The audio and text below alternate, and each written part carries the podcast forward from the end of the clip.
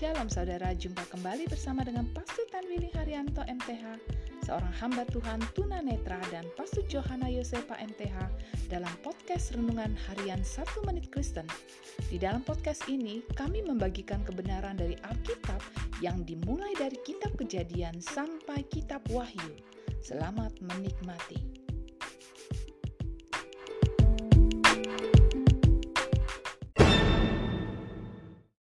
Saudara yang berharga di mata Tuhan, senang dapat berjumpa dengan saudara. Hari ini firman Allah memberitahu kita bagaimana seharusnya kita menjalani kehidupan ini.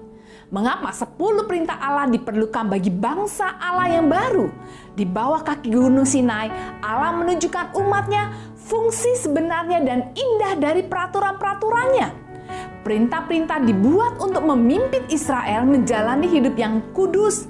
Dalam perintah-perintah tersebut, orang-orang dapat melihat pribadi dan rencana Allah serta bagaimana seharusnya menjalani kehidupan ini.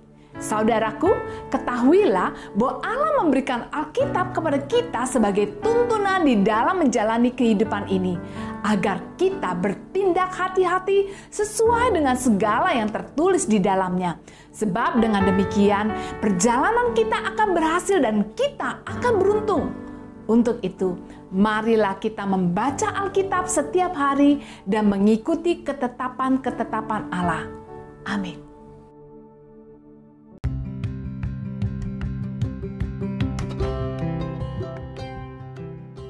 Terima kasih saudara telah mengikuti podcast Renungan Harian 1 Menit Kristen.